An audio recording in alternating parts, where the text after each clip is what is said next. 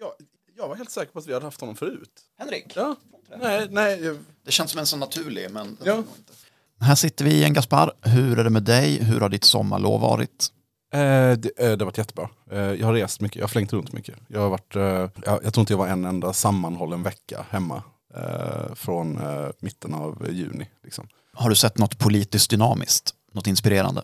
Ja, Men i viss mån, när man är i Sydeuropa, i en, eh, en sydeuropeisk metropol där eh, 90% av polisstyrkan strejkar vilt för att de inte får eh, eh, lyncha eh, mörkhyade personer o, eh, ostraffat. Det är ju jättedåligt och hemskt och sådär. Men det leder till att man, en stadsbild där det inte finns några poliser och folk har det jävligt gött och mysigt.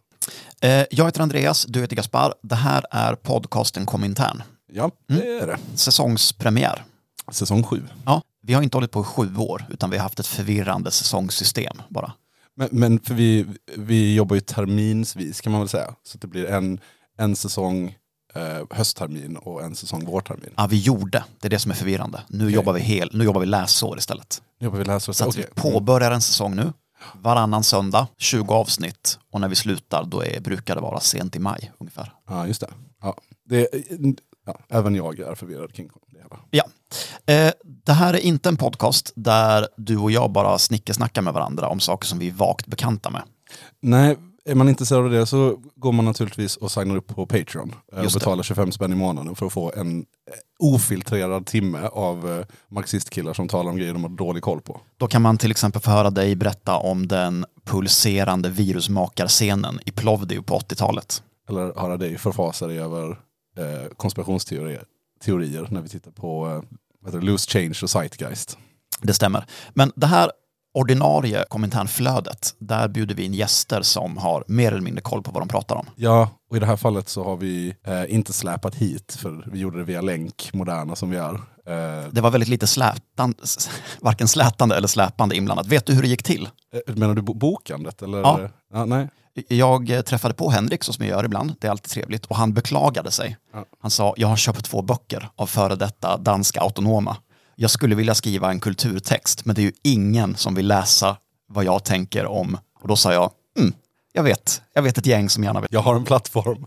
Han hade läst eh, Jag revolutionär, jag är revolutionär av eh, Christian Svettler och eh, ställde den emot eh, autonom pusher-mentor eller autonom pusher-mentor. Ja, vi är inte helt säkra på pauseringarna där. Men den är i alla fall en man vid namn Sören Lärke som har skrivit. Och vem är Henrik då? Eh, han är, en, eh, han är eh, författare och eh, eh, vad heter det, skrivpedagog. Uh, litteratur, eh, eh, vad heter det, renässansman. Eh, och också eh, kamrat.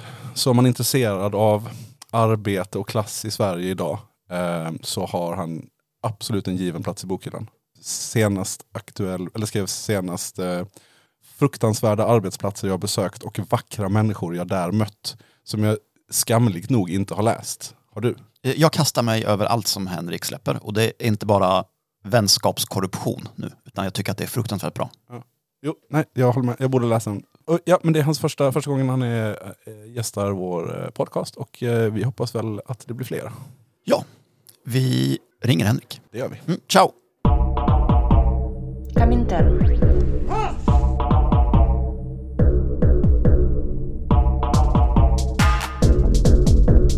Berätta inte för mig om det svenska klassamhället.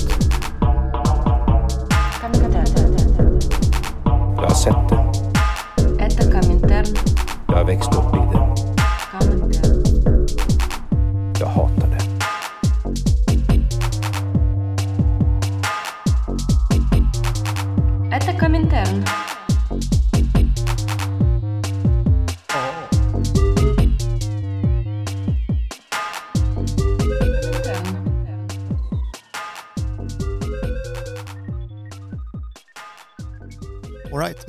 kanske börjar i vem du är och så hur du hamnade i de här böckerna.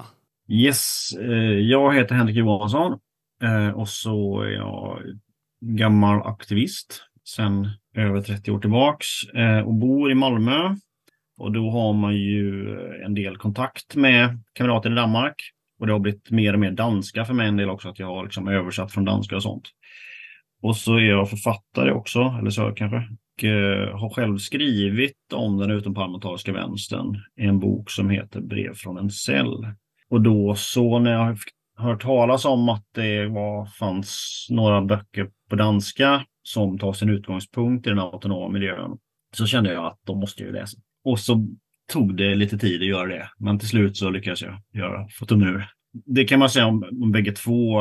Eh, det är inte någon av dem själva som har skrivit böckerna, utan de har liksom berättat och så är det journalister som har skrivit. Det klassiska Men- knepet. Då är det alltså, de två böckerna är Autonom Pusher Mentor av eh, Sören Lärke, Jag revolutionär, Jag revolutionär av eh, Christian Svettler. Du, du började och nämnde, jag kommer inte ihåg vilken du sa, men att den ena var lättare att, att prata om än den andra. Det är väl så här att den, den boken jag nämner först här nu, Autonom Pusher Mentor, eh, det handlar ju om någon som eh, efter han har varit aktiv och hamnat i fängelse blir liksom avradikaliseringsexpert. Då är det ganska mycket så här Fryshuset-grejer, liksom, om ni förstår vad jag menar. Det är ganska mycket om hans eh, jobb som eh, på högskolan med avradikalisering och sånt. Eh, och det är inte superintressant tycker jag. Sen är det också lite tradigt. Han ber om ursäkt så mycket hela tiden. Liksom. Och det, kan, det hade kunnat räcka om han från början liksom, tar avstånd och det här och massa, jag gjorde massa dumma grejer. Men det, det upprepas till oändlighet. Eh, dessa liksom, och det här var dumt och det här var dumt och det här var dumt lite grann. Vilket blir tjatigt liksom. Det är också om man har läst till exempel Lasse Strömstedts fängelseböcker. Så de roligaste är där det bara är rövarhistorier från den kriminella världen. Eh, Det blir, sen när han börjar få dåligt samvete för alla brott han har begått, då blir det outhärdligt att läsa. Och, och den lider lite av det bekymret. Men, men Mm. bara en tanke som slog mig när du berättade om det, eller när du nämnde det här med eh, avhoppargrejen. Det är ju lite Mm. intressant i det att jag menar, det kan inte fin- det är inte, vi snackar inte många människor i Norden som har gjort eh, autonom eller revolutionär till att bli sån eh, Fryshuset eh, avhopparexpert. Liksom. Eh, om man jämför med antalet eh, nazister som, som blir det. det. Jag, vet inte, jag tycker det är intressant bara att det är, en, det är, inte, det, handlar, det är inte lika mycket som att gå ur HA typ. Eh, det är en lite Nej, annan nej. livsstil, lite annan inställning. Och, och det är också så att han, han tar ju inte liksom avstånd från rörelsen i sin helhet. Utan han tar ju avstånd från eh, framförallt från våldet men också liksom från det han själv har gjort ganska mycket. Eh, vilket ju då är att de var ett gäng som började langa hasch i så stor skala. Liksom, de blev ju kriminella. Liksom. Och den andra då är, är Christian Svettler då. Som är roligare att läsa. Eh, också för att på grund av att den är så tokig liksom. Och att han är så tokig. Ja men kan så- inte, för nu har vi fått, nu gav du lite översiktlig, eller översiktsvy över den, över den ena boken, Ja. eh, Autonom, eh, Mentor, Pusher. Men, men om, om du ska presentera den andra boken då?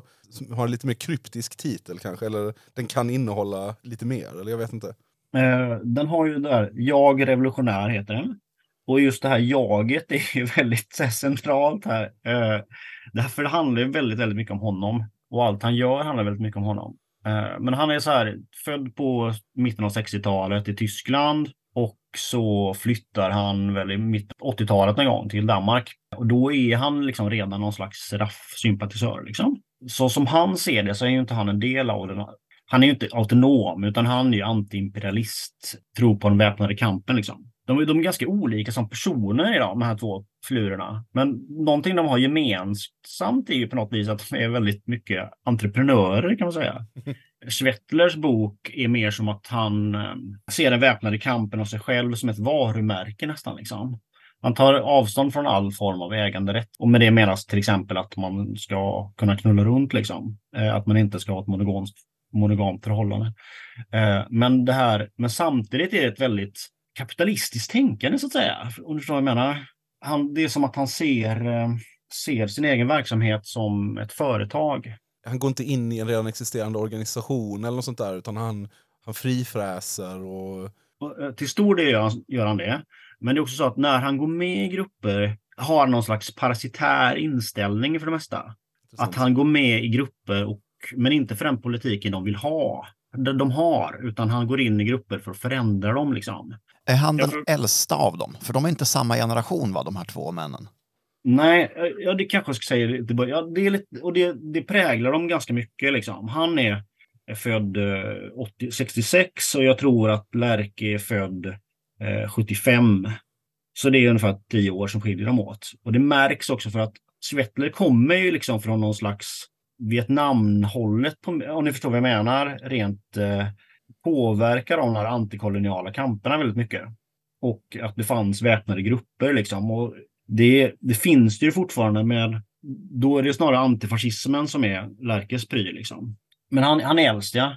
Men jag, nu när jag frågar om han var äldst, det är också så att han är naturligtvis äldst i Röd ungdom.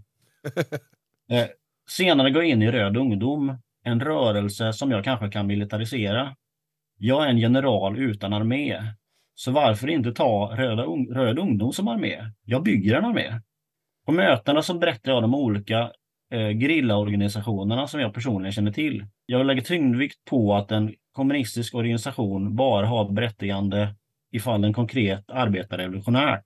Och med det menar han väpnat egentligen. Jag är, jag är 30 år gammal och är klart den äldste. De andra är unga flickor och pojkar. Många av dem är tio år yngre. De flesta i Röd ungdom är från fina socialistiska familjer. Det är en fin organisation som jag vill göra ofin. Eh, och det där är liksom är väldigt typiskt för hans sätt att jobba. Liksom. Att det är så här, istället för att själv skapa en grupp och med en fast politik så går han liksom in i en existerande grupp och försöker förändra den. Liksom. Eh, och, och samma sätt är det ju med den, med den autonoma rörelsen eller husockupantrörelsen kanske man kan egentligen prata om som det är på 90-talet. Han funkar ju extremt dåligt för det mesta i de här grupperna. För han är ju så extremt självcentrerad liksom. Alltså han, alla, ska, alla som bor i det här ockuperade huset ska göra mat i folkköket.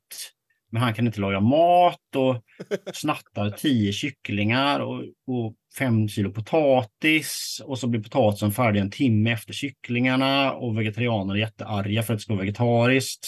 Mat egentligen. Och så, så slipper han laga mat på folkköket efter det. Liksom. Han är liksom en katastrof att bo med. Förstår man ju omedelbart. Det låter som att det skulle kunna vara komplicerat, ja. Lärke däremot verkar ju liksom socialt kompetent. så att säga.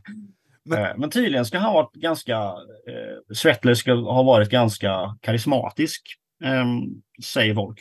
Men, men om, eh, ska vi se här, eh, Lärkes bok har någon, det låter som att den har en liksom tydlig sensmoral då, eller så här, en övertydlig sensmoral. Som är någonstans, det är dåligt att börja säga Mm. droger, gör inte det. Eh, gör något bättre istället. Har, har Svettlers bok en, en sensmoral? Försöker han sälja in någonting om sitt liv?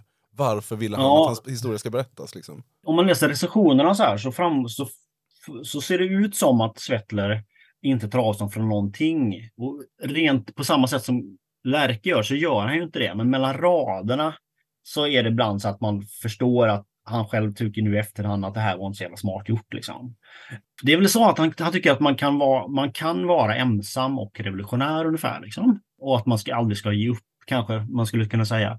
Det är på tal om sensmoralen i Lärkes bok så är det också så att man kan också se Lärkes bok som en reklampamflett för hans egen verksamhet som avradikaliseringsexpert.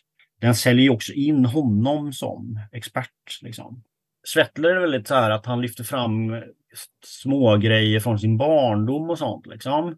Som är så här att han och hans bror sprang runt och lekte med pistoler.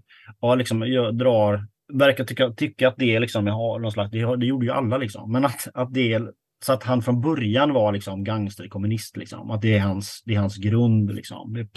Baksidan är så här, jag är en krigare och tycker om att slåss. Jag är kung på skolgården. Och när jag hör om den kubanska revolutionen så går det upp för mig vad, är, vad det är jag vill slåss för.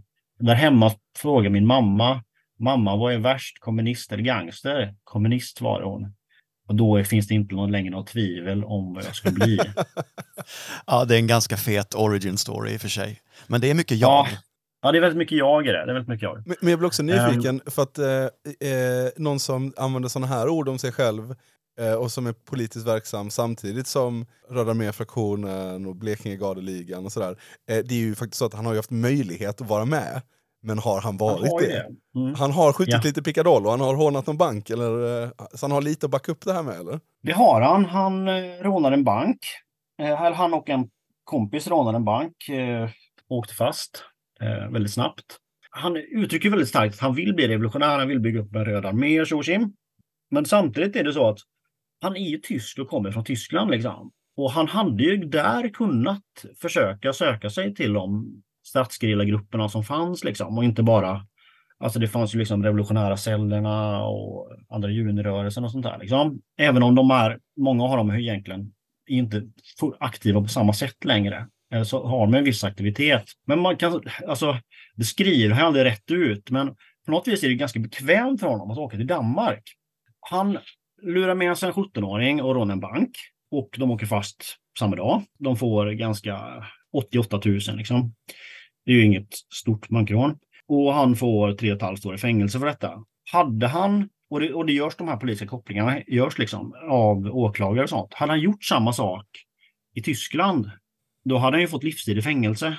Så att det känns också som att det är så här, han skriver ju inte att han är feg, så han skriver väldigt mycket att han är modig såklart. Men så här, varför går han inte med där egentligen? Utan det är ju ganska mycket, det är prat liksom. Det är väldigt mycket snack i det. Um, och det är också planeringsförmågan finns ju inte riktigt där. Men det är det som också gör att boken är så rolig att läsa. Han och 17-åringen ska råna en bank. Christian bryter på tyska. Och då så bestämmer de sig för att det är Christian som ska föra, föra snacket. Liksom. Så de är två bankrånare. Men den som har en tydlig brytning ska prata liksom, och, med bankpersonalen. Och för, men för att dölja sin accent på något vis så bestämmer man sig för att han ska bryta ännu mer på tyska. Och överdriva sin brytning. det, alltså det är extremt korkat det här. Ja, och sen så tänker jag, det här är så genialiskt så att det är... Snuten skulle aldrig tro att någon drog från ett bankrån genom att åka buss. Så han gör det. Han går och sätter sig på busstationen och väntar. Och då kommer polisbilen åkande och han sitter där supernervös på busshållplatsen. Och där finns andra två gamla tanter. För att dölja sin nervositet så börjar han prata med dem med sin tyska brytning. Så då vet ju liksom Eh, Alltså, de åker, de åker fast ändå. Men det är liksom så att först rånar man en bank med tysk brytning. Sen sitter man på den närmsta busshållplatsen utanför banken och pratar med tysk brytning.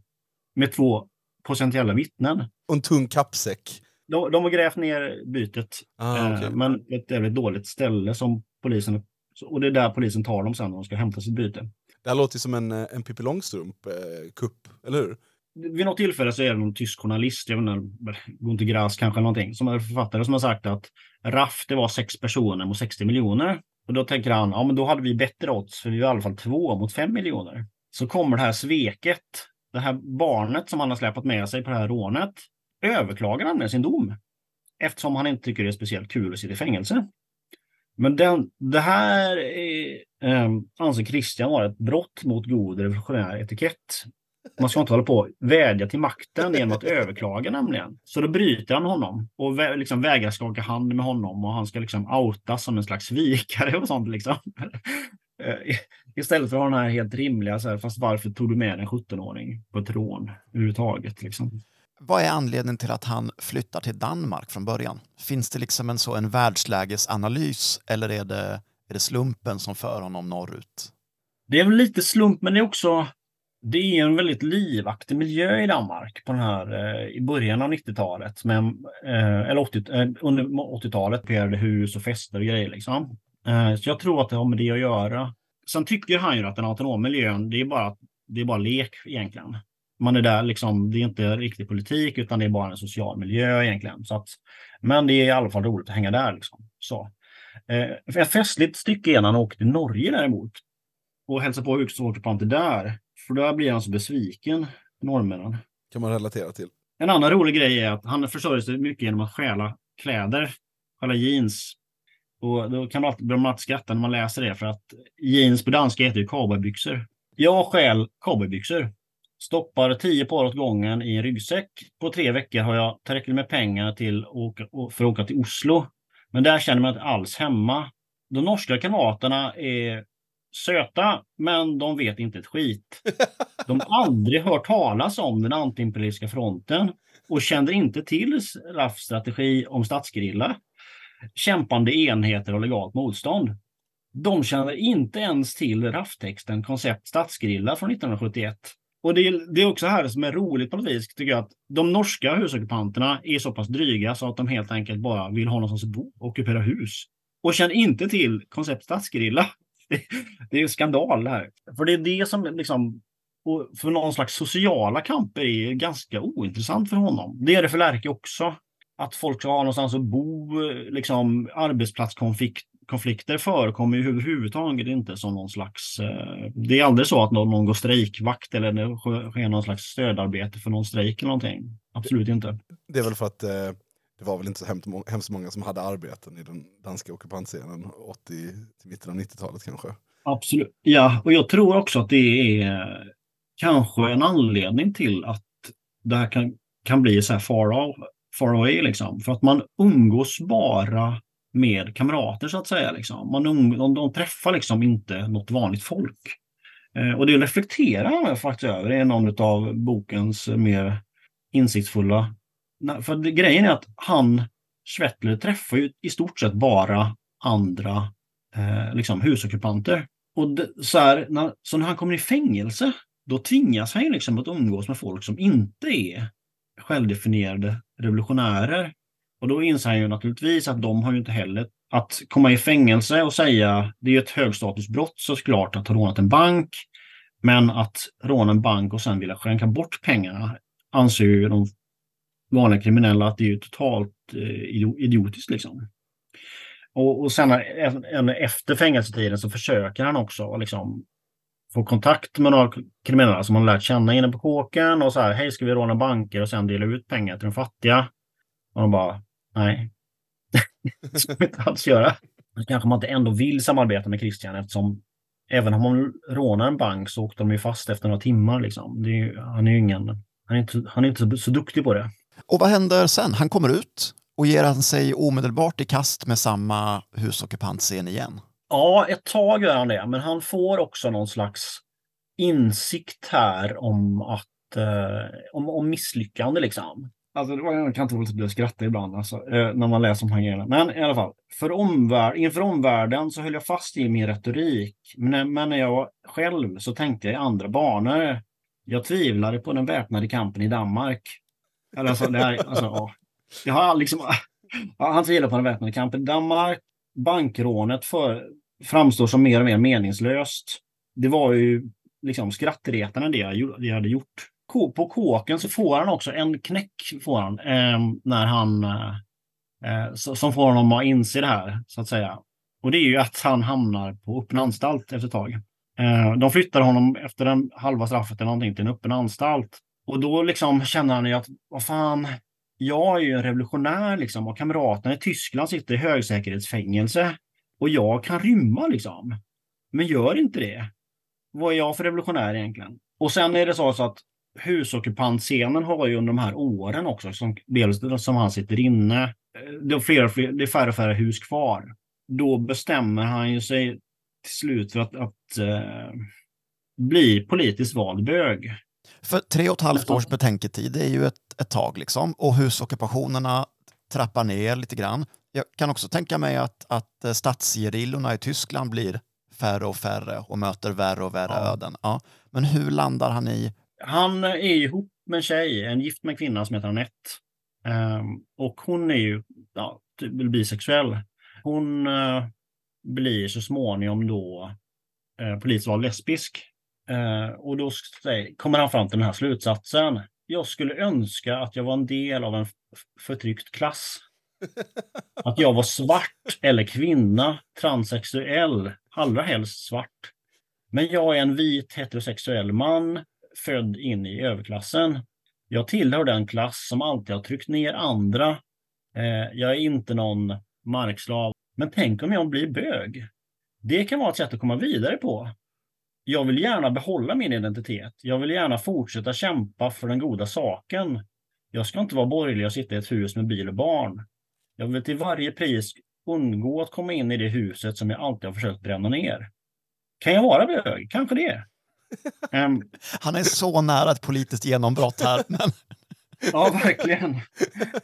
Eh, och där, där, det här är, tillhör bokens humoristiska höjdpunkter.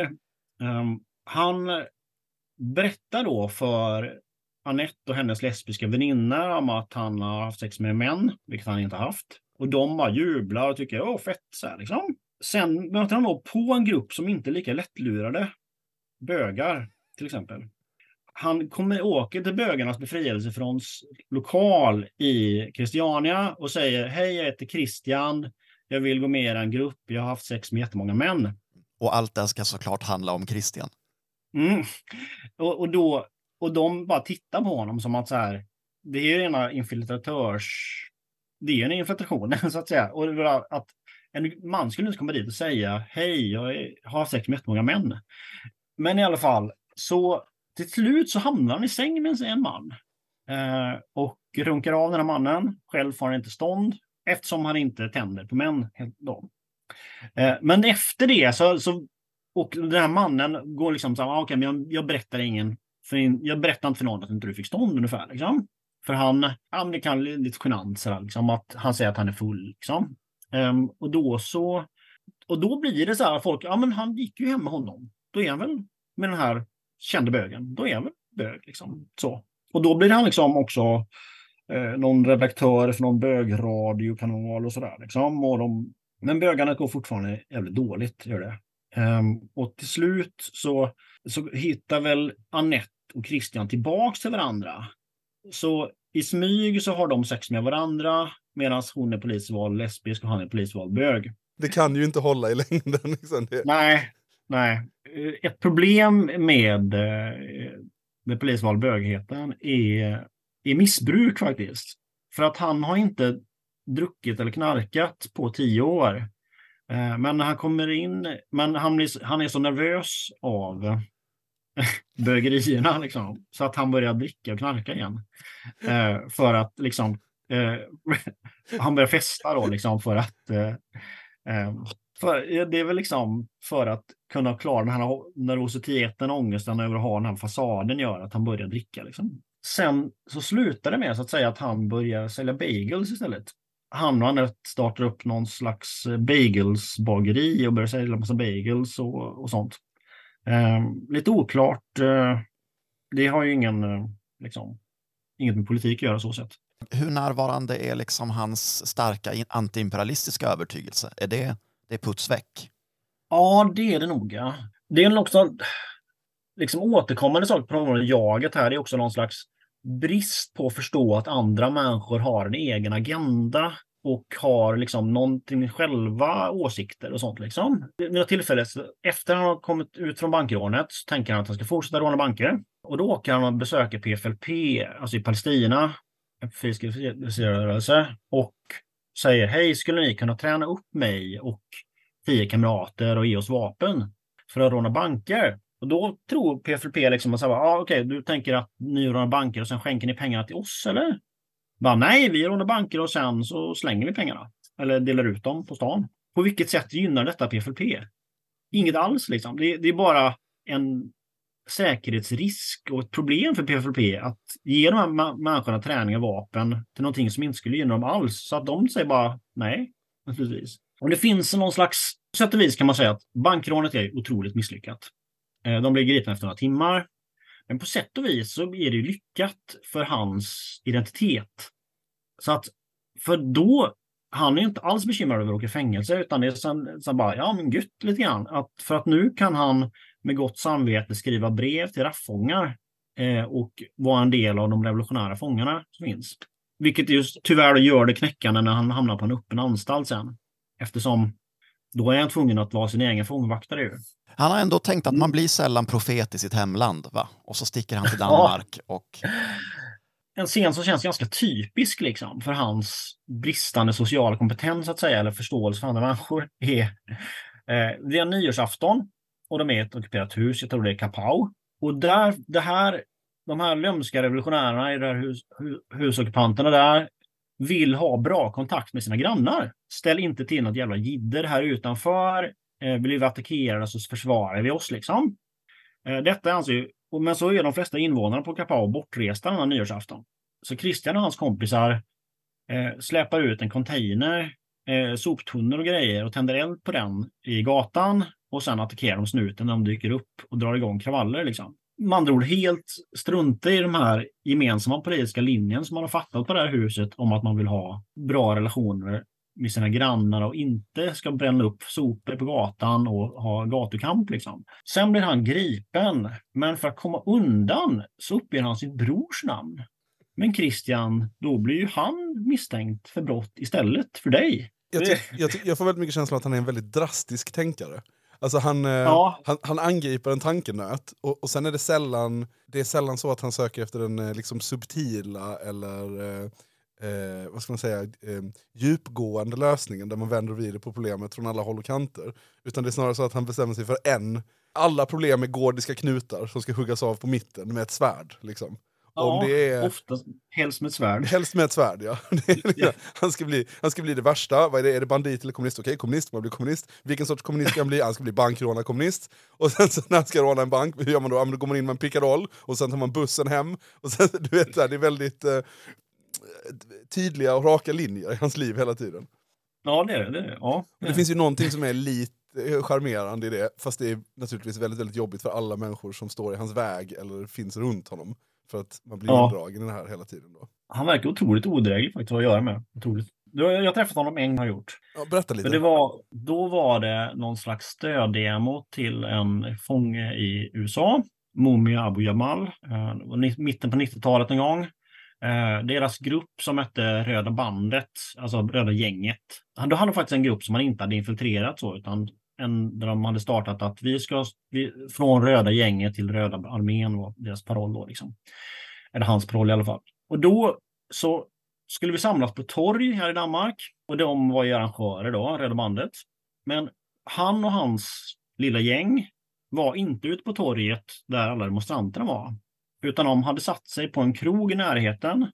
Eh, och där det var liksom... Så jävla som fett. att, eh, och där var det liksom som att han satt ensam vid en bord så stod det någon och var lite vakt vid dörren och sådana saker. Liksom. Så att det var liksom som en... Det var lite så filminspirerat kände jag. Så här, nu ska vi ha någon slags säkerhet här inne. Istället för att vara... Generalen kan ju inte vara ute bland massorna utan måste ju ha sin stab liksom, på en bodega i Danmark.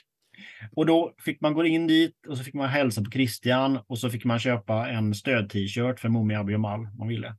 Så man fick audiens. Man fick audiens, ja.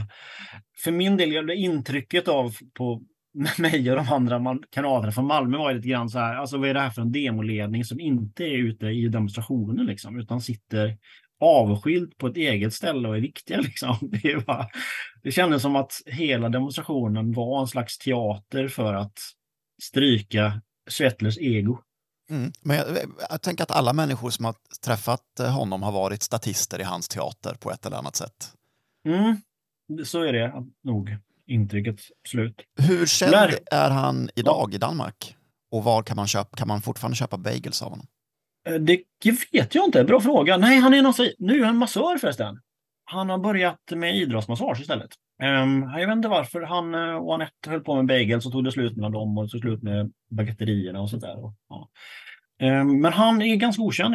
Igår var jag på brännbollsturnering och träffade några kamrater från eh, danskar. De hade ju aldrig talas om Christian Svettler. Lärke däremot eh, kände de till. Han är ju inte speciellt populär. För han är tio år yngre. Men, men, om, okej, men om, vi, om, vi, om vi knyter in lite till, eh, till Lärke då.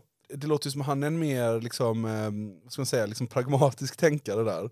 Där han Mm. eh, verkar ha halkat in eh, på liksom, lite som ett bananskal på att bli knarklangare från att ha varit i en miljö där det knarkas mycket. Eller?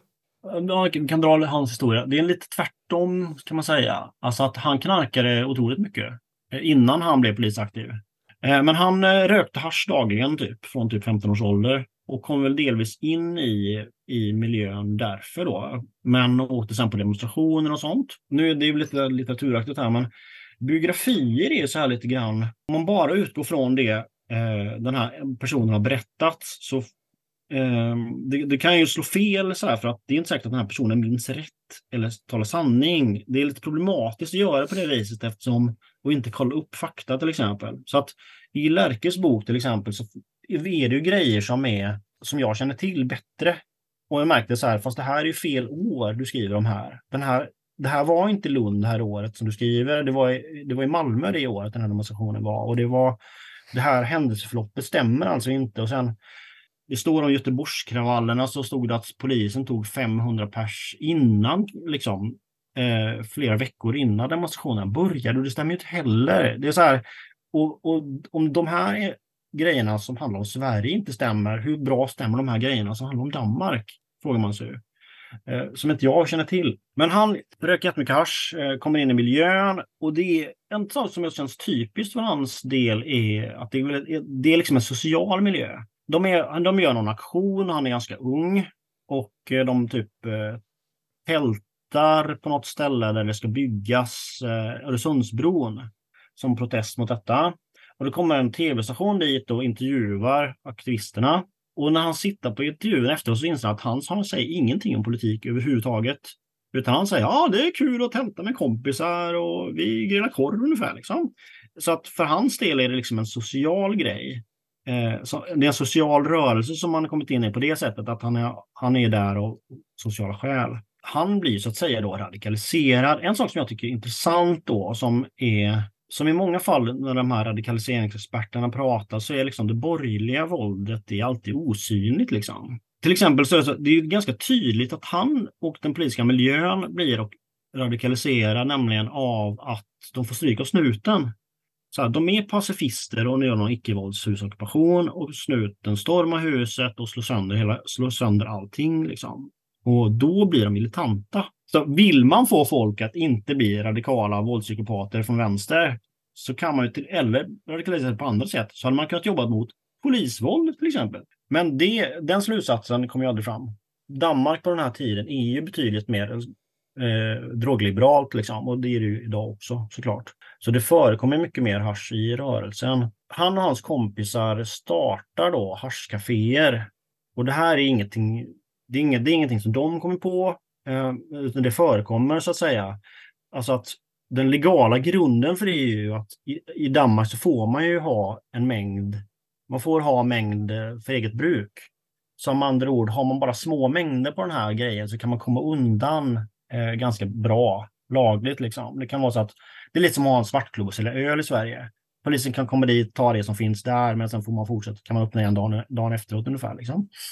Eh, men de kör lite entreprenöriellt och kör lite eh, flåda till det, liksom, ha lyxigare klubbar, fetare klubbar. Sen det som är unikt som de börjar med då, det bruna budet. Och det är, eh, de har till och med visitkort och grejer. Det är liksom en slags haschfodora innan någon annan har kommit på den idén, ha hemkörning av mat och sånt ens. Liksom på det sättet, på det organiserade sättet så har de det av hasch. Det blir ganska uppmärksammat. Och samtidigt så är han också med i Taskehold, alltså de, de är, han och några av hans kompisar är de man ringer till, eh, är några av dem man ringer till när det finns nazister på stan som ska ha stryk. Liksom. Men den här kombinationen på något vis, våldet, antifascismen, haschet där, gör också att någon av de här som håller på och gillar att slå nazister också är ju typ bara kriminell rent utav, liksom, rätt, ut, rätt upp och ner. Eh, ja, man kan säga att han blir mentor för Sören då, liksom. och eh, som får in honom på mer och mer kriminalitet. Och, alltså, man har sin haschklubb, då ska man liksom få tag på hasch och då måste man smuggla och då ska de liksom han är på något vis en framgångsrik företagare här. Liksom. Snackar vi 20 ehm, här nu, eller 17 eller 25? Eller vad? Nej, men han är nog eh, i 25-årsåldern här. Någonting.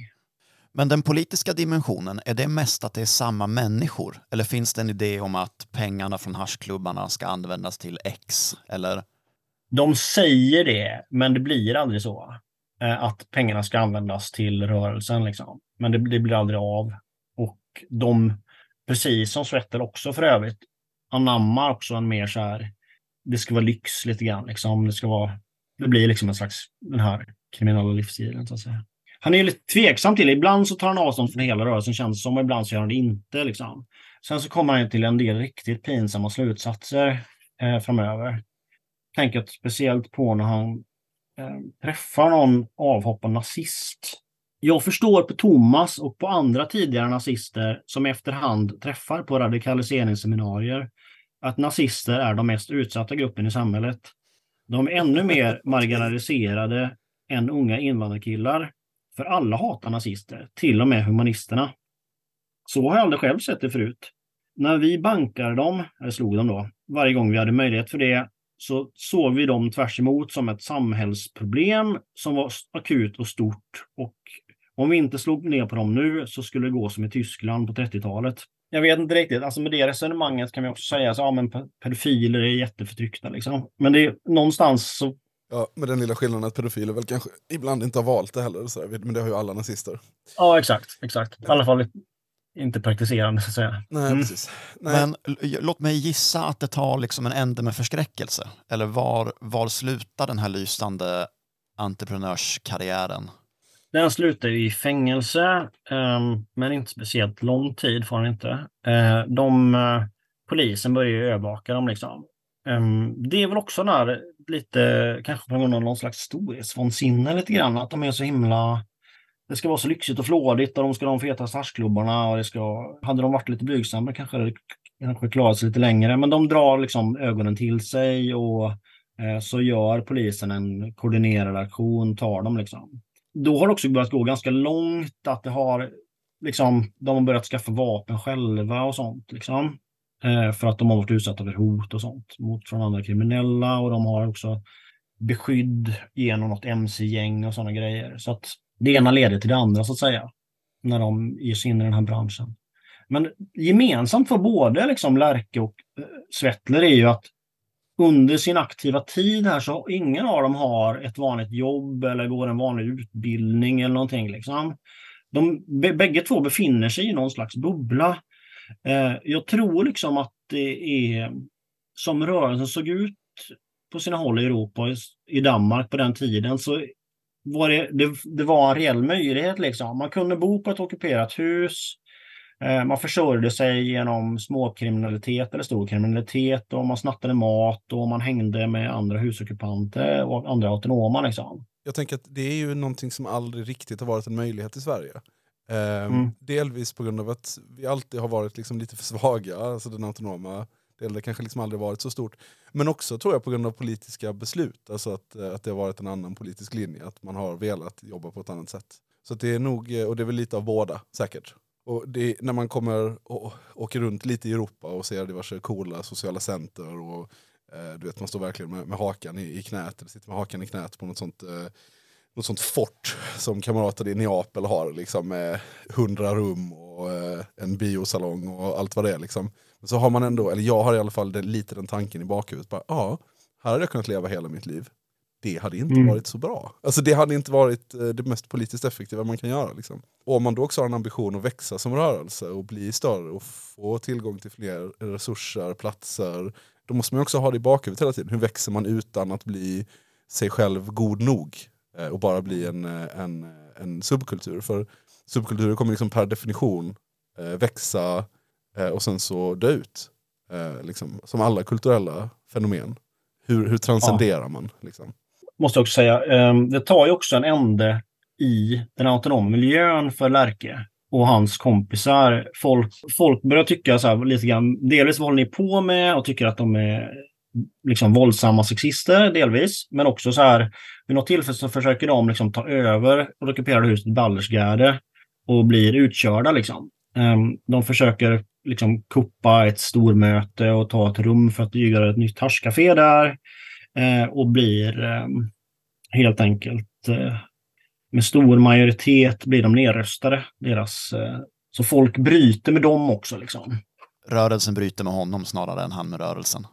Ja, Vi sa ju innan också att det inte är jättevanligt att ex-autonoma gör sådana Fryshuset-karriärer. Men, men jag tänker, när jag hör på de här två männen med, med kanske framförallt den första med ett väldigt stort ego så vi har ju talat ganska mycket om, om så här vänsteravhoppare i den här podden. Alltså personer som Mm. idag är frontfigurer för eh, mer eller mindre bruna lokalpartier. Det, det, är, Mm. det finns ju gemensamma nämnare här helt klart. Det är de stora Ja, egorna, bristen på eh, vardaglig radikal praktik och så vidare. Och så vidare. kanske också någon slags inte, enkla fiendebilder på något vis. Ja, och att man, att man ja. bränner sig i sitt sammanhang, kanske snarare än att göra ett politiskt, alltså att den politiska motiveringen kommer i efterhand alltid. Man har gjort sig Mm. helt jävla omöjlig i sin lokalgrupp i, oavsett om det är Ung Vänster eller om det är en klick husockupanter i, på, på Nörrebro liksom. Och så går, då Mm. går man och funderar på sin kammare och så gör man en polit, skriver ett politiskt brytdokument. Eller en självbiografi. För det är mycket av det här som jag kallar med parasitära med Svetley är att han, och det, finns ju båda har aspekten om det här kuppaktiga liksom. Att det har, eh, ja men som vid något tillfälle så, det fanns ett så veckoblad som kom ut i Danmark som hette Slam, eh, som var så här infoblad för rörelsen. Eh, så tar han och hans kompisar över redaktionen för den och så börjar de typ trycka Röda brigaderna kommunikéer liksom och prångla ut som alla folk bara, men sluta, det och det, det är väldigt mycket. Vi, vi avslutade Svettler eh, som eh, idrottsmassör. Eh, hur går det Mm. för Lärke när han eh, kommer ut från sin lilla, eh, lilla kåkvistelse? Han börjar plugga till typ, eh, vad fan är det? Han är något pedagog, socionomaktigt tror jag. Eh, kanske statsvetenskap. Ja, han börjar plugga på universitet.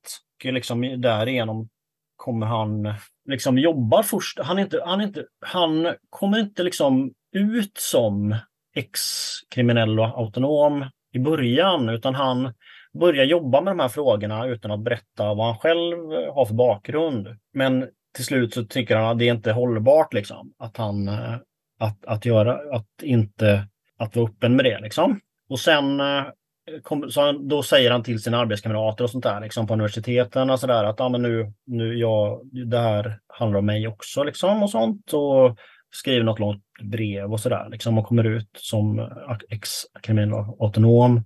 Vilket ju snarare gynnar hans eh, karriär såklart. Liksom. När boken kom ut så blev det lite av, eh, jag vet inte om han upplevde sig själv som hotad eller om han var hotad. Eh, men då gjorde han en grej som fick honom avstängd från flera grejer på jobb och sånt. Eh, och det var att han skulle vara mentor till unga gängkriminella som skulle avsluta sin kriminalitet. Eh, och de lät han ehm, fick dem att vakta honom och hans hus. Eh, och det var ju inte meningen att eh, de skulle vara hans bodyguards liksom. Så det, det gjorde att han förlorade några uppdrag. Eh, nu ser jag att han är, han är aktiv i eh, Socialistisk, eh, Socialistisk Folkeparti. Ja, de, de, det låter mer radikalt. Det, det är ungefär socialdemokrater kan man säga. Eh, där är en skillnad att han har inte skrivit ut folks riktiga namn i allmänhet, eh, Lärke. Och det har väl funnits en del press på honom att han ska göra det. Det är en, som är, en av dem som var med i AFA på den här tiden, han var drivande, var Pelle Dragstedt. Dragstedt? Dragstedt? Ja, Nej, jag kan inte uttala det ordentligt. Eh, som eh, nu är ganska högt upp i enhetslistan. Och folk var borde inte du skrivit mer om honom och hans inblandning och så. Liksom. Men där tycker jag, där har den här Lärke varit konsekvent och inte det liksom skrivit om vem som har gjort vad och sånt. Liksom. Förutom sig själv. Det är två fascinerande livsöden, men, men möts de någon gång? Finns det någon, eh, finns det någon skärningspunkt? Eller är generationsglappet för stort för det? Det, det står aldrig att de möts någon gång. Det gör det inte. Men de borde ha varit aktiva delvis samtidigt, ja. I någon gång i mitten av 90-talet. Tror du, tror du att, tror du att eh, Lärke köpte en sån eh, Mumia-t-shirt av eh, Svettler där på puben? Ja, det är inte möjligt, omöjligt faktiskt. Lärke var också sådär att han var lite fascinerad av ETA och var i Chiapas och sådana grejer liksom. Ja, så han åkte till Köpas, det är ändå en grej. Alltså det gör man inte Mm. i en eh, handvändning. Då får man ju ändå Nej. ha lite, då, då, är, då, då är man ju ändå snäppet förbi, jag är en, eh, en haschrökare som ibland går på demos och inne någonstans i, jag är ett, en, ser mig själv som ett politiskt subjekt, bla bla bla. Jo, ja, det kanske är, och han liksom har ju skrivit lite tidningsartiklar och sånt också, liksom, i propaganda och sånt. Det, det påminner mig att jag har träffat Christian bara en gång. Men jag har ju läst så här, artiklar och sånt eh, och kommunikéer och sådär eh, från Röde banden och sånt. Och det var en ganska tydlig grej. Jag kan tycka att det skulle vara en debatt mellan två grupper i Danmark, Röda banden och några andra. Och då, men grejen var att Röde bandens text var bara slagord liksom. Det var eh, det saknade liksom någon slags politisk substans. Någon slags resonerande, någon slags tanke, utan det var bara liksom slagord på slagord. Liksom. Ja, vi har passerat eh, timmen kamrater. Finns det någonting som vi har missat som, som vi absolut måste ha med Henrik? Ja, men det kan vi väl säga faktiskt. Och mottagandet är ganska intressant. Det, och det känns väldigt politiskt, liksom, tycker jag. Att det är receptionen av böckerna i massmedia och sånt. Jag revolutionär, Lars Wettlers bok, blev grundligt sågad i stort sett överallt. Och, och liksom, Medan Lärkes bok blev betydligt mer hyllad. litterärt sett så är de ungefär likadana, liksom, tycker jag. Alltså de är så här neutral journalistprosa. Liksom. Att för min del så handlar det ju om att han, eh, av att Lärke tar avstånd liksom, och gör upp med sitt förflutna. Eh, det finns en fantastiskt rolig recension av Schwettlers bok på Motkraft i DK. Eh, som är liksom Jag Plattuggla, heter den recensionen. Som handlar om hans alla oändliga katastrofala beslut och som tar upp vissa saker kring som, in, som inte Christian skriver ut. Liksom. Det är ro, betydligt roligare att läsa Svettlers bok. Fast det, den är ju på en, det, är, det är ju på en sån här tokrolig nivå. Liksom. Eh, man bara man baxnar och skrattar. Liksom. Och, och jag antar att humorn kommer mycket ur att han själv inte förstår att det är väldigt roligt. Det, det är till stor del är det så, ja. Verkligen. Det här är en av de få så, slutsatserna som faktiskt... Eh, att komma i fängelse är för mig som att komma ut i samhället. Förr i tiden så var jag tillsammans med några få kamrater i en sluten krets. Nu är jag tvungen att vara tillsammans med- de människor som jag vill befria. Och de skiter fullständigt i den väpnade kampen. Smärtsam insikt. De har inte heller Smärtsam läst koncept Stadsgerilla. Det är väldigt få inne som har gjort det. Ja. Tack så mycket för att eh, vi fick prata om de här två danska böckerna med dig, Henrik. Då, då, då känner jag mig tvingad att läsa dem till slut. Även om jag hade gått och tänkt att jag skulle läsa dem i flera år tror jag. Så nu fick jag tummen ur till slut. Det var trevligt. Det här kommer ganska snart som vår säsongspremiär. Finns det någonting som Mm. du vill göra reklam för eller eh, avråda ifrån eller eh, allmänt eh, lyfta? Jo, det, borde, det finns ju liksom en tradition av att inte eh, skriva om rörelsen. Liksom. Sverige har det ju inte varit lik. Det har man kommit ut några böcker. Min, min egen B från ett cell, men Salka Sandéns Deltagänget som jag kraftigt kan rekommendera. Eh, om man nu som någon slags utomstående betraktar det här så kan man tycka att så här, det vore gött om någon, någon normal autonom dansk hade skrivit en bok. Vi har ju många normala autonoma lyssnare så att det, det är en, eh, en uppmaning så god som någon annan. Yes. All right. Tack ska du ha. Supergott, vi hörs och ses Henrik. Samma. Hej!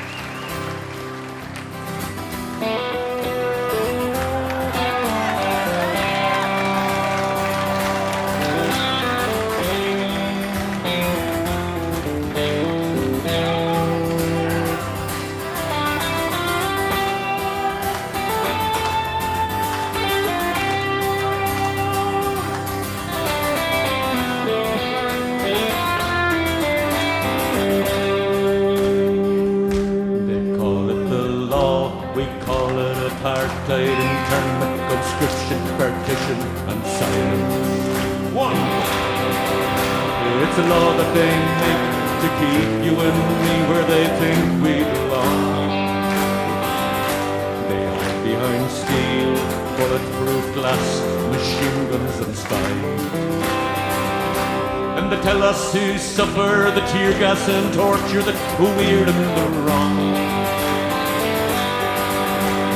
No time for love if they come in the morning. No time to show tears for fears in the morning. No time for goodbye. No time to ask why. And the sound of a sirens,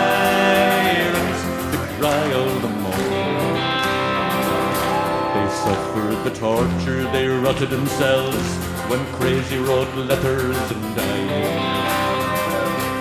The limits of pain they endured, but the loneliness got them instead. The courts gave them justice, as justice is given by a well-mannered house. Sometimes they fought for the will to survive, more times they wished they were dead. Time for love if they come in the morning, no time to show tears for fears in the morning. No time for goodbye and no time to ask why. And the sound of the sirens, the cry of the morning. They took away Sacco, Vanzetti, Bobby Seale, the Black Panthers as well. They came for Patsy O'Hara, Francis Hughes, and his friend. In Boston, Chicago, Saigon, San Diego, the Buckside, and Belfast. And places that never make headlines, the list never ends. And no time for love if they come in the morning. No time to show tears if for tears in the morning. No time for goodbye and no time to ask why. And the sound of the sirens, the cry of the morning. The trade union leaders, the writers, the fighters, with the rebels and all. And the women who fought with the scabs at the factory gates. Sons and the daughters Oh, of unnumbered heroes who paid with their lives. And the people whose class or creed or belief was their only mistake. And no time for love if they come in the morning. No time to show tears if for tears in the morning. No time for goodbye and no time to ask why. And the sound of the sirens, the cry of the morning.